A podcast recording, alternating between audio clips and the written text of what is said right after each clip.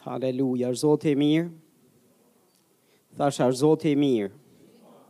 Zoti është i mirë gjatë gjithë kohës. Haleluja. Jeni gati për fjalën e Zotit, për atë çfarë Zoti do të thotë, do të bëjë në mesin tonë sot. Haleluja. E di që jeni ulur, po ju lutem, a mund të lutemi pak në gjuhë të reja.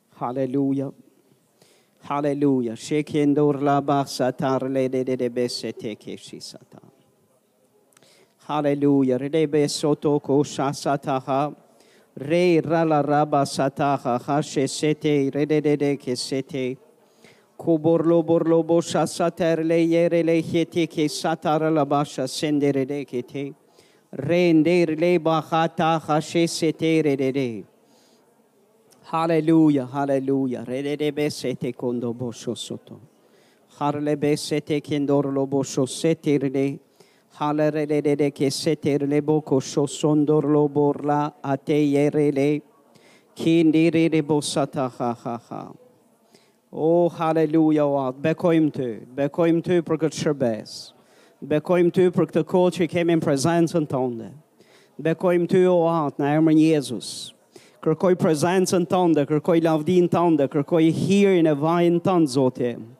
Haleluja që ta mbulojë këtë shërbesë, ta mbulojë këtë vend sot, E të lutem më ndihmo me anë të Frymës tënde të Shenjtë që të kumtoj atë çfarë është në zemrën tënde. Haleluja, më ndihmo Zot sot, Haleluja që të sjell mesazhin e zemrës tënde. Haleluja, mos sjell asgjë prej vetes, po të sjell gjithçka që është pranë ty. Haleluja, rela rabaja hate je rele rebo sota kabasha sata. Rate je je ko bohor la raba sata. Sheketor la baka sete abahate rele. Re la ramasa te rele keshe sete.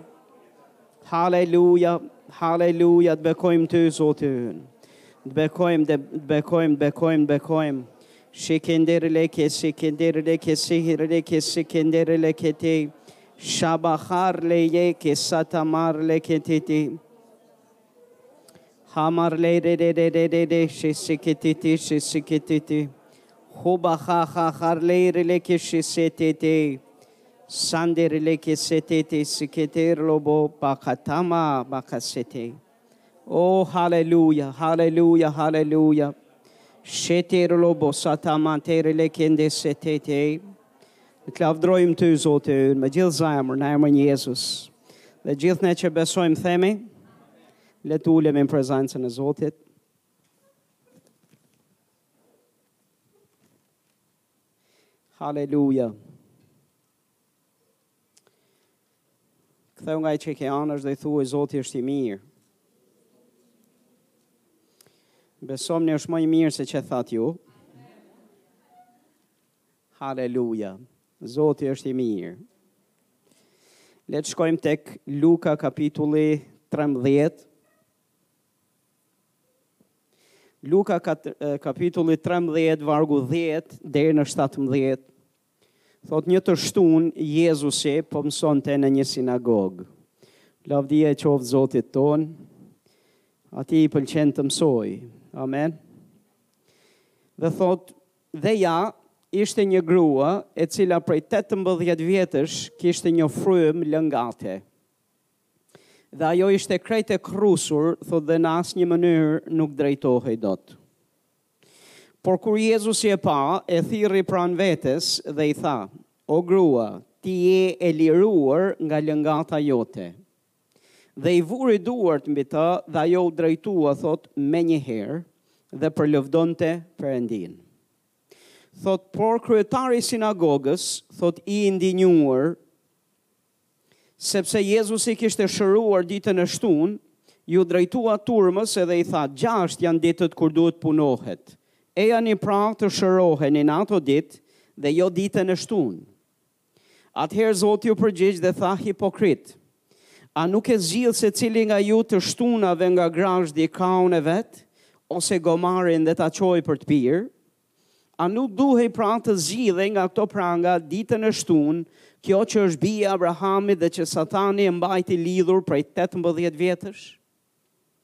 Dhe kur ai thoshte këto gjëra, të gjithë kundërshtarët e tij, thotë, mbetën të turpëruar, ndërsa mbarë turma gëzohej për të gjitha veprat madhështore që ai kishte kryer. Dikush thotë amen. Haleluja, Zoti ynë i mirë, thësh.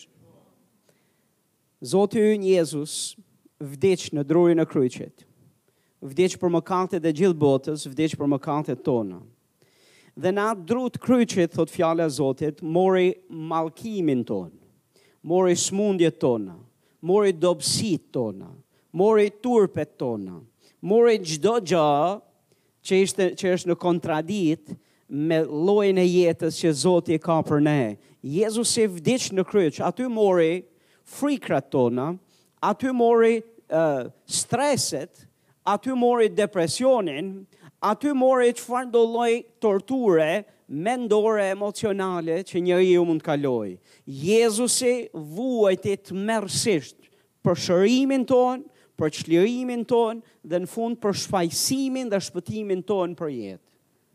Jezusi e pagoi çmimin në drurin e kryqit. I drejti vdiq për të padrejtët. Ne jemi të shpëtuar jo për shkak të veprave tona, jo për shkak të meritave tona, po jemi të shpëtuar me anë të hirit, me anë të asaj veprës që Jezusi bëri në kryq. Këtë nuk do ta harrojmë kurrë.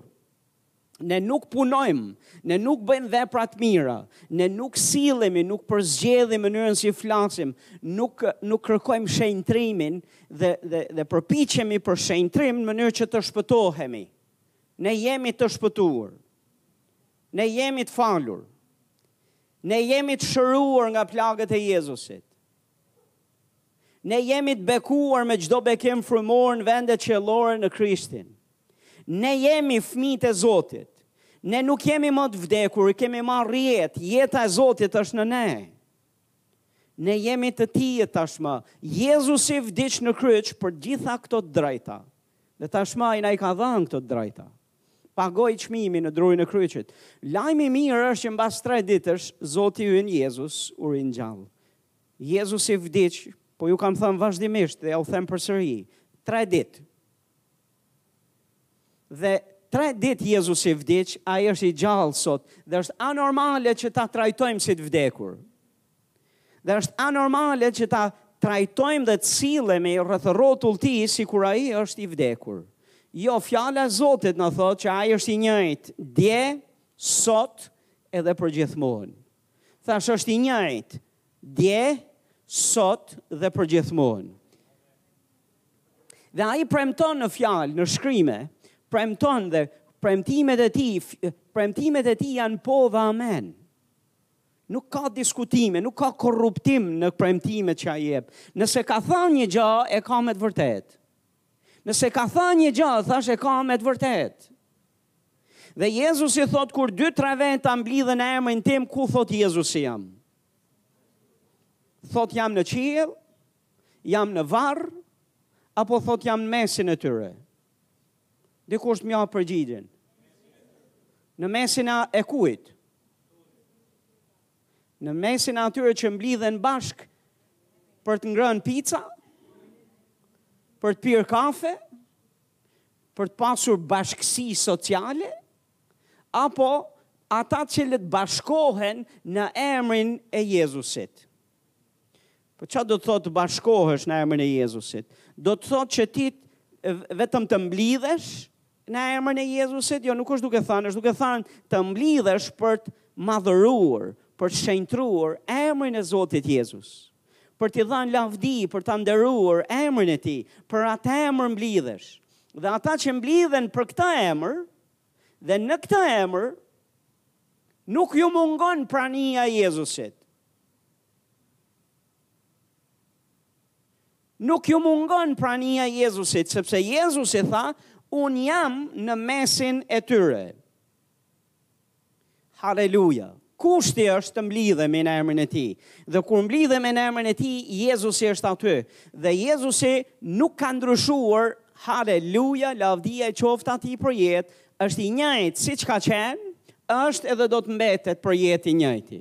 I njëjti Jezus që mësoi atë të shtunë, i njëjti Jezus që ngriti sytë dhe pa atë të shtunë kush kishte hyrë në kishë, i njëjti Jezus që thirri pranë vetes gruan që ishte e kërrusur prej tetëmbëdhjetë vjetësh, Dhe vendosi dhe, dhe i tha, o grua, je e liruar nga lëngata jote, i njëjti Jezus që vendosi dorën e tij, duart e tij mbi trupin e saj dhe ajo u shërua menjëherë, i njëjti Jezus që pa në frymë kush ishte autori i kësaj krrusje dhe i kësaj lëngate, i njëjti Jezus është prezent në shërbesë sot në këtë vend. Amen. Është i njëjti. Haleluja. Është i gjallë. Vdiq tre ditë. Mbas tre ditësh u ringjall dhe sot është i gjallë. Jemi pranë Pashkës, pastor, mos e ke ngatrru mesazhin? Jo, pastor, nuk e kam ngatrru mesazhin, e di që sot nuk është dita e Pashkës. E simbas simbas uh, kalendarit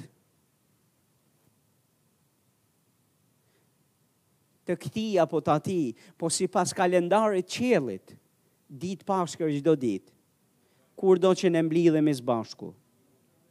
është ditë për këtë mesazh. Amen? Dhe ai është mesin tonë sot. Haleluja, është mesin tonë për të mësuar, është mesin tonë për të parë, Është mesin tonë për të parë përtej asaj që syri njerëzor sheh. Është këtu për të parë kush është i krrusur dhe çfarë e ka krrusur. Dhe është jo indiferent ndaj situatave tona. Nuk është indiferent i pandjeshëm ndaj rrethanave dhe situatave në cilat ndodhemi. Në mënyrë të veçantë, nëse je i krrusur dhe backgroundi i krrusjes tënde është nga frymë demonike. Apo është për shkak të një për shkak burimesh të cilat normalisht nuk e kanë burimin tek Zoti. Ai është i interesuar për ta larguar barrën tonë. është i interesuar për ta thyer zgjedhën e rëndë në qafën tonë. Është i interesuar për t'i bërë të robrit të lirë, për t'i bërë të shtypurit dhe në fond Bibla thotë të shtypurit, burgosurit dhe përsëri të shtypurit të lirë. Dhe gjithmonë vrisja mendjen ça janë këta të burgosurit, të shtypurit dhe këta përsëri të shtypurit. Nuk, a, nuk janë e njëjta gja, kanë nevojë për çlirim. Njerëz që janë shtypur, që kanë nevojë për çlirim dhe vajosja e frymës së shenjtë i bën të lirë. Ça janë këta që janë përsëri? Janë përsëri, janë ata që i ka bërë Zoti të lirë një herë, 2, 3, 5, 6, 7, me, me kush e di se sa herë, dhe janë, kanë rënë përsëri. Dhe ka nevojë përsëri për shërim, përsëri për çlirim nga shtypja. Dhe Zoti nuk lodhet së çliruari përsëri e përsëri. Amen. E vajosja e tij edhe shtypje të përsëritura, edhe shtypje kronike, edhe presione, strese, depresione kronike, i thyen në emër të Zotit. I thyen. Emri i Jezusit i thyen. Dikush thotë amen. Një të shtunë thotë Jezusi po mësonte në një sinagogë. Jam këtu për t'ju thënë që Jezusi është këtu sot. Haleluja, Jezusi është këtu sot. Dhe thotë dhe ja ishte një grua e cila prej 18 vjetësh kishte një frymë lëngate, dhe ajo ishte krejt e krrusur dhe në asnjë mënyrë nuk drejtohej dot. Ça është duke thënë? Është duke thënë që situata e kësaj gruaje ishte dëshpëruese. Ishte pa rrugëzgjidhje. Nuk kishte receta mjekësore për çlirimin e saj. Nuk kishte receta dhe mënyra njerëzore të natyrshme për ta drejtuar këtë grua. Ishte fakt i kryer. Tetëmbëdhjetë vjet kjo grua vuante në këtë gjendje. A mund ta imagjinoni pak këtë grua që ecte e krrusur dhe në asnjë mënyrë nuk drejtohej dot? A mund ta imagjinoni pak se sa e tmerrshme ishte për të? Fizikisht ishte në këtë gjendje. Tetëmbëdhjetë vjet dhe fjala e Zotit na thotë, nuk na thotë se Perëndia është autori Perëndia nuk krrus askënd. Perëndia nuk shtyp askënd. Perëndia nuk nuk sjell stres, nuk sjell depresion, nuk sjell shqetësim, Perëndia nuk mundon, Perëndia nuk shkatërron, Perëndia nuk sëmur, Perëndia ynë është i mirë e mirësia e tij zgjat për jetë. Jakobi na thotë këtë gjë, mos u mashtroni vëllezërit e mi. Mos u mashtroni. Thotë çdo gjë e mirë dhe e përsosur vjen prej Atit të Dritave, vjen prej lart, vjen nga Ati i Dritave, pranë të cilit thotë nuk ka hije ndryshimi dhe ndërrimi. Jakobi thotë vëllezër, nuk thotë ju njerëz që s'e njihni Zotin. Është duke i thënë vëllezërve, është duke i folur kishës, është duke i folur besimtarëve dhe është duke u thënë mos u mashtroni. Kemi qenë duke folë për mashtrimin, apo jo? I ligu është i interesuar që kisha të jetë e mashtruar, që vëllezërit dhe motrat që besojnë te Jezusi të jenë të mashtruar. Të mashtruar për çfarë? Një nga gjërat, një nga taktikat apo synimet dhe kurthet e t'ligut është të bëjë besimtarët ta shohin Perëndinë në, me një pamje të deformuar që nuk është nuk është në dakordësi me natyrën e tij. Ta shohim ashtu siç ai nuk është. Ta shohim në mënyrë të deformuar dhe më lini t'ju them Perëndia ynë është i mirë, mirësia e tij zgjat për jetë. Nuk është autor i ligësisë, nuk është autor i asgjaje të keqe. Për gjithë këqijat, mallkimet, smundjet, varfrin, aksidentet, Jezus i pagoi në kryq. Mënyrë që njerëzit të jenë të lirë.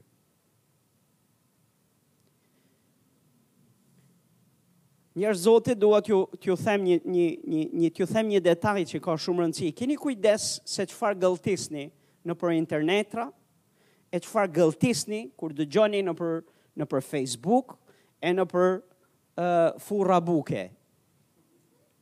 Keni kujdes se çfarë se çfarë dëgjoni.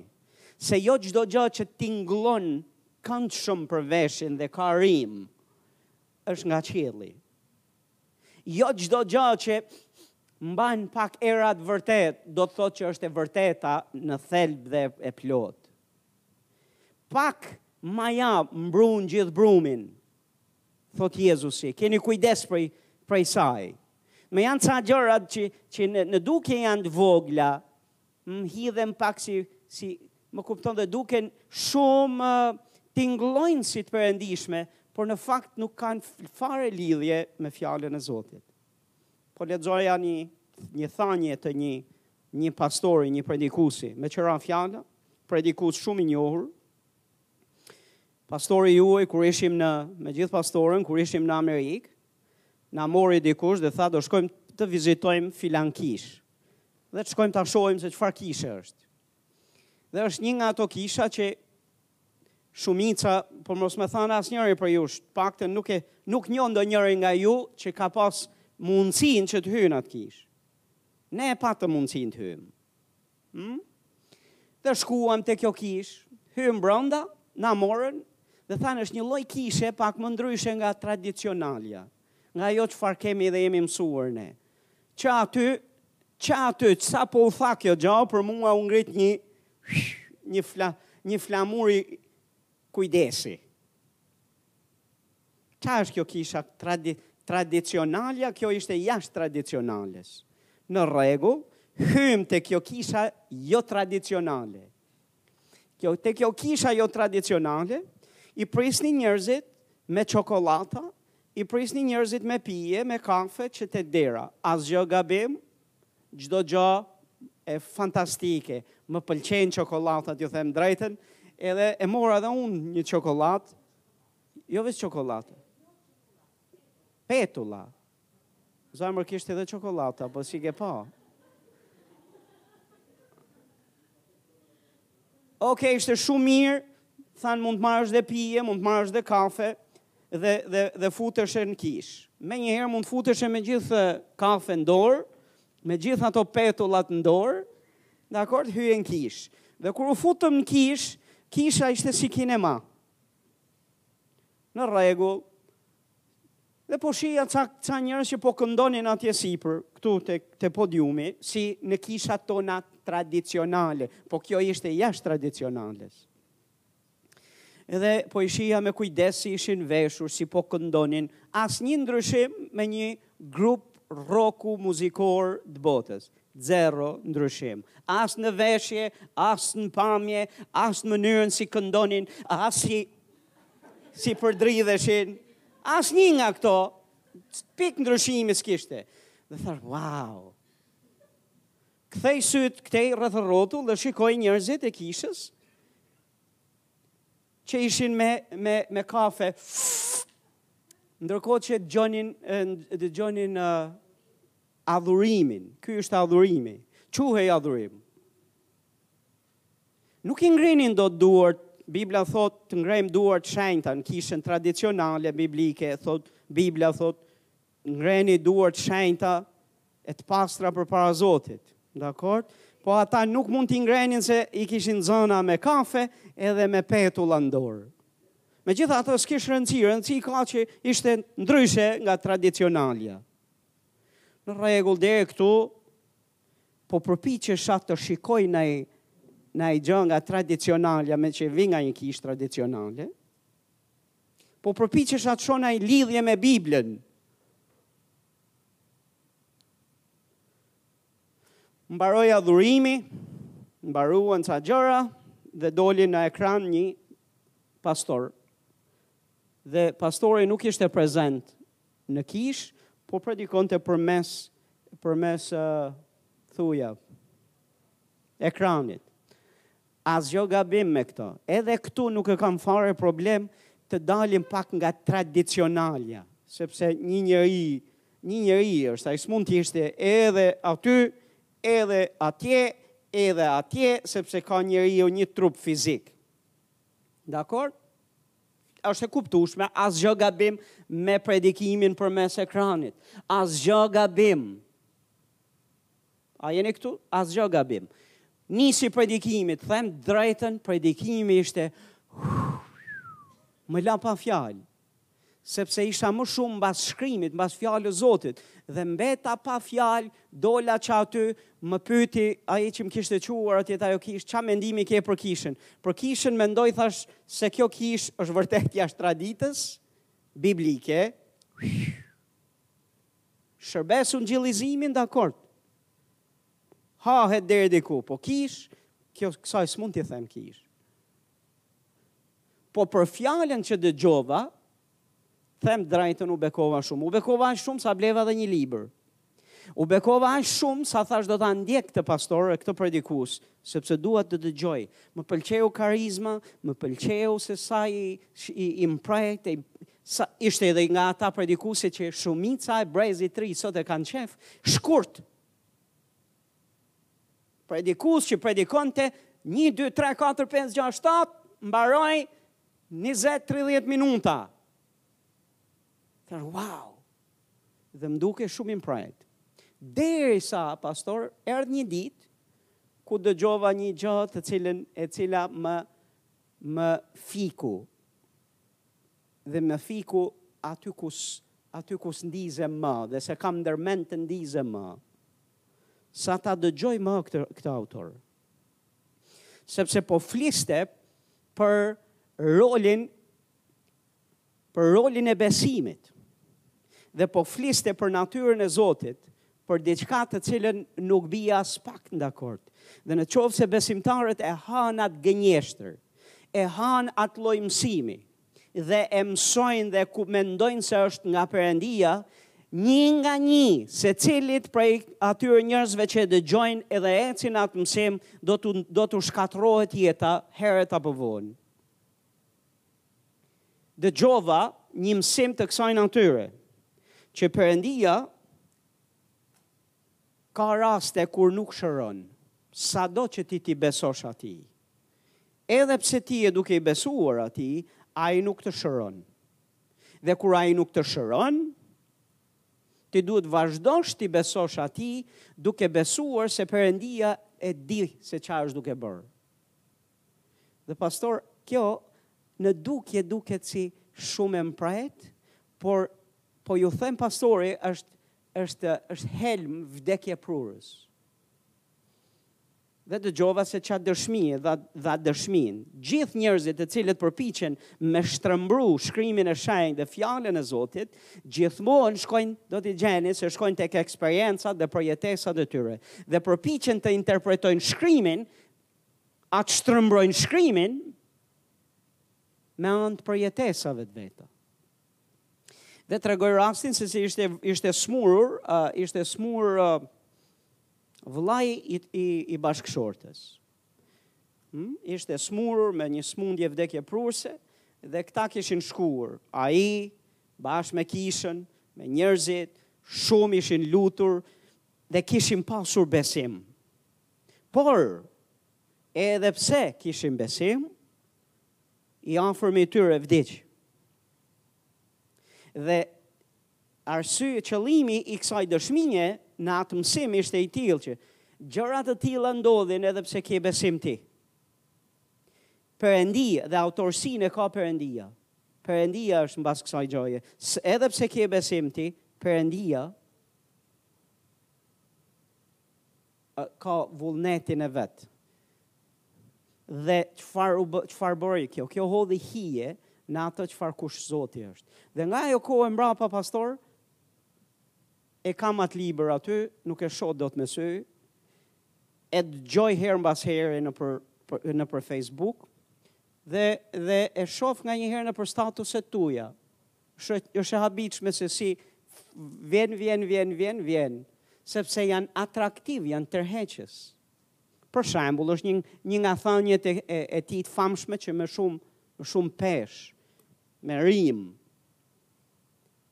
Nuk ka ringjallje pa vdekje. Nuk ka shërim pa smundje. Nuk ka çlirim pa shtrëngime dhe sfida të jetës. Uau, është e vërtetë që nuk ka, po a mos duhet vallë që të themi se Perëndia është autori?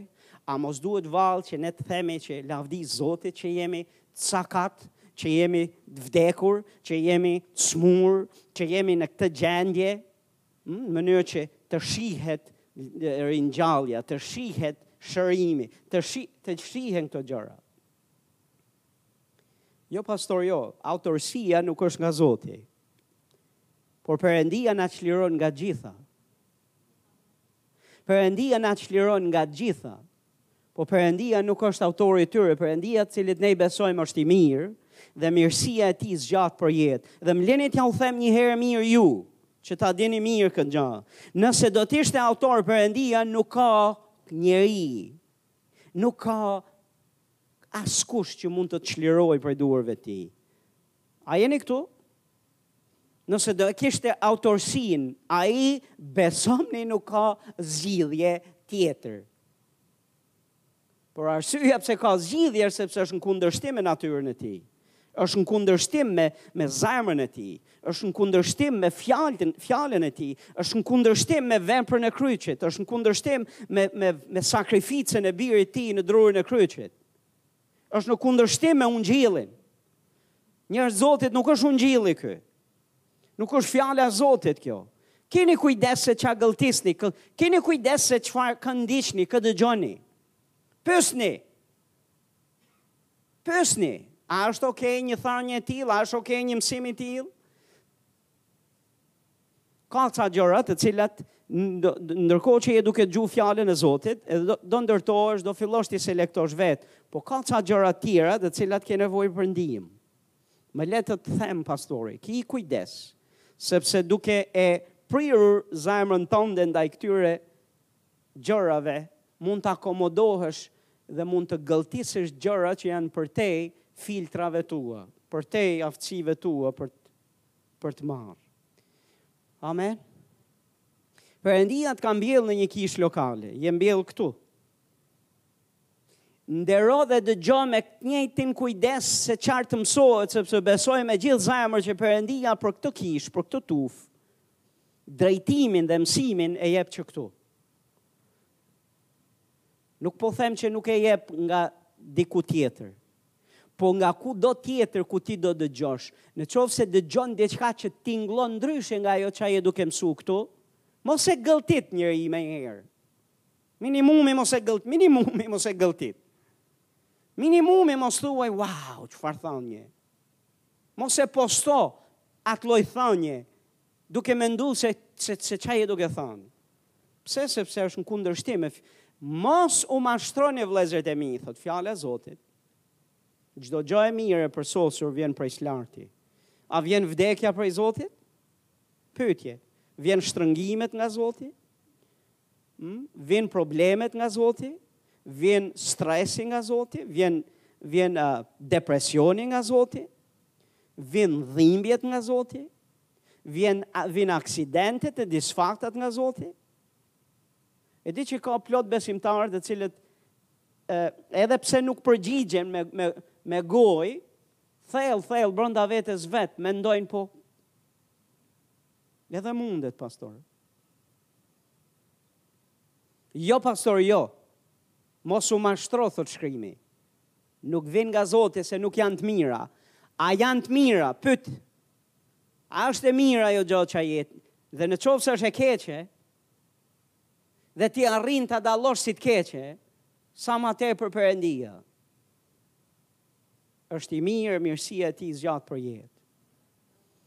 Është i mirë, thashë, dhe mirësia e tij zgjat për jetë. Çdo gjë e mirë e përsosur vjen prej së larti.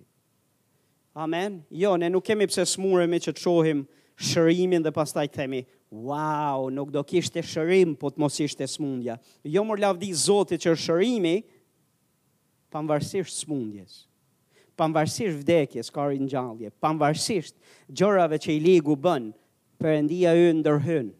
Perëndia ynë na bën të lirë, na çliron e na shëron. Thotë ja thotë ishte një grua e cila prej 18 vjetësh kishte një frymë lëngate dhe ajo ishte krejt e kërrusur dhe asnjë, në asnjë mënyrë thotë nuk drejtohej dot. E di kjo është një, kjo frymë lëngate duket se ka ndikuar te kjo grua, aq shumë sa e ka kërrusur dhe fizikisht. Dhe kjo kërrusje nuk vjen nga probleme i la, probleme mjekësore. Jezusi nuk tha, kjo është sepse i është dëmtuar një i është dëmtuar truri apo i është dëmtuar shtylla kurrizore, apo e ka për shkaqe natyrore, po thotë qartësisht një frymë lëngate. Një frymë demonike. Kjo frymë demonike kishte torturuar këtë grua dhe Jezusi e bëri të lirë. Dikush thotë amen. E di kësaj të dielës, kur ishim në shërbesë në Thuman, ishte po i thoja edhe edhe dy tre vetave, kush po të martë ishin në kishë, edhe gjystja, të dy motrat ishin në kishë. Mbaruam shërbesën e fjalës, dhe mbasi mbaruam shërbesën e fjalës, ë, u ngrit dikush dhe donte të ndante një dëshmi se si se si Perëndia e kishte bekuar, i kishte dhënë forcë, e kishte shëruar, gjithashtu i kishte dhënë forcë për të bërë për të punuar përtej kapacitetit dhe forcave të veta. Dhe ndërkohë që po fliste, ju them të drejtën e kisha ndarë mendjen ta mbyll shërbesën aty. zakonisht e mbajmë shërbesën e e mbajmë shkurt. E mbajmë shkurt sepse njerëzit janë jashtë edhe nuk nuk durojnë dot që të rrinë jashtë. Për kohë të gjatë. Jo, është okay. A uh, dhe kur po doja të mbyllja shërbesën, e ndjeva dorën e Zotit mënyrë të mbinatyrshme dhe unë e di, isha shumë mirë dhe e di kur është Zoti duke vepruar, sepse e kam kaq përjetesë dhe edhe dhe njohuri të tij, të pranisë tij. E ndjeva këtu mbrapa meje, te kjo pjesa këtu. E ndjeva sikur një dorë më, e, më shtrëngoi, më shtrëngoi këtë pjesën, sa ndjeva pak jo dhimbje të fortë, Po thjesht ndjeva një tërhe, një, një tkurrje, sikur dikush më kapi me dorë. Dhe dhe momentin që e ndjeva këtë gjë, menjëherë m'u tërhoq vëmendja, sepse ishte anormale që ta ndjeje këtë, se isha shumë mirë. Dhe menjëherë më, më la, më, më, më, më, më, me pak fjalë u hoq ai shtrëngim. Dhe në qindtat e sekondës Zoti më tha, në mendje dhe në zemrën time, ka njerëz që i ke këtu në këtë vend që janë janë me infeksion dhe me dhimbje në veshkat e tyre, pikërisht aty ku ti ndjeve këtë që, që ndjeve. Dhe ju them të drejtën e kisha ndërmend ta lë, thashë ta mbyll shërbesën, dhe t'ju, isha për pak pa ju thënë mirupafshim, shifemi dielën e tje, dielën tjetër. Dhe ju thashë, a ka dikush që e ka këtë problem, motrat e dinë, e gati, ku di unë, 8, 10 veta u çuen nga, nga ata njerëz që kishin ardhë atje, Të gjithë kishin atë dhimbje. Dhe Zoti i çliroi në çast një pas një secilin prej tyre. Sepse Zoti të cilit ne i besojmë është i mirë. Dhe Ai di ekzaktësisht se ça na mundon. Di ekzaktësisht se ça po kalojmë ne. Amen. Dhe nuk është i interesuar të na i heqë dhimbjet kur shkojmë në qiell. Atje po, po ai është i interesuar që të shërojë, siç shëroi atëherë të shërojë sot. Siç bëri të lirë atë gruan që kishte 18 vjet e kërrusur dhe e shtypur e torturuar nga ajo frymë demonike, ai do t'i bëjë të lirë njerëzit edhe sot. Amen? Dhe kur themi edhe sot edhe tani, le të themi bashkë edhe tani, Tre arsye shikoj të forta që e motivuan Jezusin fort, që e shtynë Jezusin fort për të shëruar dhe për të çliruar këtë grua. Te këto shkrime shoh tre arsye të forta. Arsyeja e parë është vlera e gruas në sy të Zotit. Shkruaje këtë gjë. Vlera e gruas në sy të Zotit. Arsyeja e dytë është që ishte se ishte bijë e Abrahamit. Dhe arsyeja e tretë është sepse djalli ia kishte shkaktuar këtë kërrusje dhe këtë torturë. Të treja këto arsye motivuan dhe shtynë Jezusin për ta bërë këtë grua të lirë. Thashë nji vlera e kësaj gruaje. Po pastor ku e shohim vlerën e kësaj gruaje? Njeriu, Bibla thotë kur Jezusi e shëroi këtë grua, kryetari i sinagogës u indinjua me këtë veprim dhe tha gjashtë janë ditët kur punohet, dita e shtatë është pushim, nuk është ditë shërimesh. Dhe Jezusi u kthye dhe e qortoi atë dhe gjithë ata që binin dakord me këtë mësim, dhe i quajti hipokritë. Dhe çfarë u tha pastaj? U tha, a nuk e nxjerr dikush nga gropa të shtunave thotë thotë a nuk e zgjidh secili nga ju thotë të shtunave nga grazhdi kaun e vet ose gomarin e ta çojë për të pirë. Ça është duke thanë Jezusi? Është duke thanë, o hipokritë, ju vlerësoni vlerësoni më shumë kaun, vlerësoni më shumë një gomar ditën e shtunë, ju e vlerësoni më shumë keni më shumë vlerë për kafshët, më shumë vlerë po jepni kafshëve shumë e çuditshme. Se si hipokrizia sot është bërë trendi A e dini këtë gjë apo jo? A e dini se sot njerëzit po bëjnë më shumë mbas kafshëve se sa mbas njerëzve? Më shumë mbas kafshëve se sa mbas njerëzve. Dhe është e tmerrshme. Dhe kjo është mënyra koncepti i, i njerëzve. Shi ku ka shkuar, po Jezusi thotë, thotë ju thotë o hipokritë. Zgjidhni, thotë, kaun, zgjidhni dhe gomarin dhe e çoni për të pirë ditën e shtunë. Sa më tepër kjo grua, sepse për Jezusin njeriu ka më shumë vlerë se kafshët. Për Jezusin njeriu ka vlerë të madhe. Dhe nëse ti njeh natyrën e Perëndisë dhe njeh se kush është njeriu në sytë e Perëndisë, ti nuk do të harrosh kurrë që je gjëja më me vlerë që ai ka krijuar. Njeriu është një është qenia më më me vlerë që Perëndia ka krijuar. Perëndia i do kafshët, e do natyrën, i do gjithë krijimin sepse e ka krijuar vetë. Por mbi të gjitha, do njeriun sepse vetëm njeriun e ka krijuar në imazhin e vet. Vetëm njeriun e ka krijuar si vetja. Kur ai shikon njeriun, ai sheh veten, pasqyrimin e vetes. Kur ai sheh kafshët, sheh kafshë. Kur sheh njeriun, sheh pasqyrën e vet, sheh imazhin e vet. Dhe ne kemi vlerë dhe vlera aq më tepër vlera çdo njeri, çdo qenie njerëzore ka vlerë të madhe përpara Zotit. I shpëtuar apo i pashpëtuar. Nëse është njeri, ka vlerë të madhe në sytë Zotit. Thjesht fakti se është njeri, ka vlerë të madhe në sytë e Zotit, sepse është krijesa e Tij, më e dashur, më e çmuar. Nuk vdiq për asnjë krijesë tjetër. I gjithë krijimi u prek nga mëkati, u korruptua nga mëkati, dhe Perëndia nuk e dërgoi dhe nuk do e dërgonte Birin e Vet që të vdiste në drurin e kryqit për shpëtimin e krijimit, po për shpëtimin e njeriut, po. dhe bashkë me shpëtimin e njeriut, do shpëtojë edhe krijimin. Po t'ishte vetëm për krijimin, do ta kishte zgjidh pa, pa kalu përmes kryqit. Sepse njeriu ka vlerë. Dhe aq më tepër, njerëzit e Zotit, si ti dhe si unë, që i kemi thënë po Jezusit dhe kemi Jezusin për Zot. A e di se je fëmija e Zotit? Çfarë vlere më të madhe se sa kaq duhet të kesh, që ti të kualifikohesh për të marrë shërimin, për të marrë çlirimin, për të marrë bekimet e Zotit? Çfarë vlere më të madhe se sa kaq? Çfarë duhet të quhesh dhe të bëhesh më shumë se sa bir dhe bijë e Perëndisë?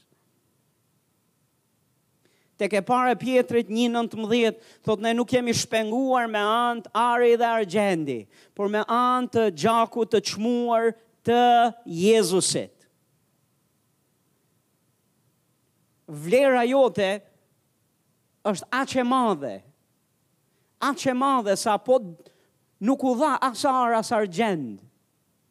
As një pasuri e kësaj bote për shpengimin tonë, po u dha një gjë që është më e çmuar se sa gjithë ari i botës, gjithë argjendi e pasuritë e kësaj bote, nuk krahasohen me ta, dhe ky është gjaku i çmuar i Jezusit, dhe nuk u kursye ky gjak por u dha për ty sepse ti ke vlerë në sytë e Zotit. Dhe Zoti ynë, lavdi Zotit, që Zoti ynë na sheh me vlerë. Amen, na sheh me vlerë. Çfarë thotë tek ungjijtë?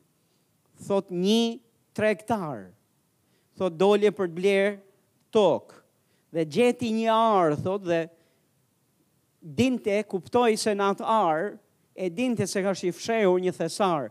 Dhe çfarë bëri, thotë tregtari i urtë, i mençur, thotë shiti gjithçka ta blente arën, bleu arën. Pse? Sepse kishte thesar aty. Haleluja! Jezusi vdiq në kryq, dha gjithë jetën e vet, për të blerë ty, sepse ti je thesar për ta, sepse ti ke vlerë të madhe për ta. Ti je margaritar i çmuar, ti je thesar për Zotin. Amen. Kjo është arsyeja e parë që e lëvizi Jezusin, që e shtyu Jezusin për të, për të ardhur në ndihmë asaj gruaje që kishte vuajtur për 18 vjet, që ishte krejt e kërrusur për shkak të asaj fryme demonike. Arsyeja e dytë Arsyeja e dytë është, a nuk duhej, thotë Jezusi, të zgjidhej nga këto pranga? Vini re një herë i quajti pranga këtë këtë gjendje. Por thotë, a nuk duhej të zgjidhej nga këto pranga ditën e shtunë, kjo që është bija e Abrahamit, le themi bashkë, kjo që është bija e Abrahamit? Domethënë, Jezusi tha, a nuk duhej? Sigurisht që duhej. Pse duhej shëruar për Jezusin, sepse ishte bijë e Abrahamit. Tek Galatasit, të gjithë ne që besojmë te Jezusi jemi bërë për shkak të besimit, bij të Abrahamit. Siç ishte kjo grua bijë e Abrahamit, ne jemi bërë bij të Abrahamit nga besimi që kemi te Jezusi. Dhe Abrahami është ati i besimit tonë, dhe ne jemi bijë të Abrahamit, jemi bijë të Perëndisë, po jemi dhe bijë të Abrahamit për nga besimi. Dhe Jezusi u kthye dhe tha, a nuk duhej zgjidhur nga këto pranga ditën e shtunë kjo që ishte bijë e Abrahamit? Dhe pyetja është gjithashtu, a nuk kualifikohesh ti që je bir e bijë i Abrahamit që të marrësh bekimin e Zotit? Absolutisht, për Jezusin po. Amen. Haleluja. Ne jemi bijë të Abrahamit. Arsyeja e tretë është thot këtë gjë. Kjo thot që është bijë e Abrahamit dhe që Satani e mbajti lidhur prej 18 vjetësh. Jo, jo, jo, jo, jo, jo njerëz të Zotit. Perëndia është i mirë, mirësia e tij zgjat për jetë. Perëndia është i mirë, djalli është i keq. Nuk ka absolutisht as afrinë më të vogël në natyrë me njëri-tjetrin. Perëndia është autor i shërimit, djalli është autor i sëmundjeve. Perëndia është autor i çlirimit, djalli është autori i, i burgut, i prangave, i zinxhirëve, është autori i pres, i, tre, i, i, i stresit, i depresionit, i shtypjes dhe i shtypjeve të vazhdueshme dhe i torturave mendore, emocionale e fizike. Perëndia është autori i çlirimit nga shtypjet, burgjet, prangat e shtypjet e përsëritura. Djalli është autori i vdekjes, Perëndia është autori i ringjalljes e jetës. Djalli është autori i humbjes. Perëndia është autori i shpëtimit. Janë të ndarë nga njëri tjetri. Dhe kudo ku manifestohen veprat e djallit. Tek fjala e Zotit tek e para e Gjonit kapitulli 3 vargu 8, thot për këtë u shfaq biri i Perëndisë. Edhe një herë, për këtë u shfaq biri i Perëndisë. Për këtë u shfaq, për këtë hyri në skenë biri i Perëndisë, për këtë doli biri i Perëndisë, për këtë erdhi biri i Perëndisë, për këtë ndërhyri biri i Perëndisë. Për çfarë? Për të shkatërruar veprat e djallit. Në ka ndonjë gjë që e bën birin e Perëndisë të shfaqet, të hyjë në skenë, janë veprat e të ligut. Nxisin zemrimin e Zotit. Nxisin zemrimin e Jezusit. Dhe kur ai hyn në skenë, shkatërron çdo vepër demonike. E shkatërron. Sepse e ka pushtetin dhe fuqinë për ta bërë pikërisht këtë gjë. Dikush thotë amen. A e kuptoni tre arsyet? Vlera e njeriut e shtyn e shtyri Jezusin të vdesë në kryq, e shtyn Jezusin sot e kësaj dite për të bërë atë për cilën vdiq në drurin e kryqit, vlera e njeriut. E dyta, të qenit bir apo bijë e Abrahamit, e treta, sepse është vepër demonike. Janë tre arsye. Bibla ka plot arsye tjera. E di, Bibla thotë, na përmend Jezusi, përmend vetëm këto treja. Ka vende tjera në Bibël dhe ne do mësojmë rrugës se nuk janë vetëm këto motive, të vetmet motive që shtyjnë Perëndinë për të shëruar, ka plot, po tre mjaftojnë apo? Këto treja janë të mjaftueshme. Jam këtu për të thënë pse do Zoti të të ndihmojë ty, të të çlirojë e të të nxjerrë nga aty ku je, sepse ke vlerë në sytë e tij. Pse? Sepse je bir e bijë e Perëndisë, e bir e bijë e Abrahamit, për nga besimi. Dhe Perëndia i ka dhënë besën Abrahamit, se do të bekojë pasardhjen e tij, dhe për shkak se i ka dhënë besën Abrahamit dhe ti je pasardhja e Abrahamit, ai do të të bekojë ty, për hir të tij. Haleluja!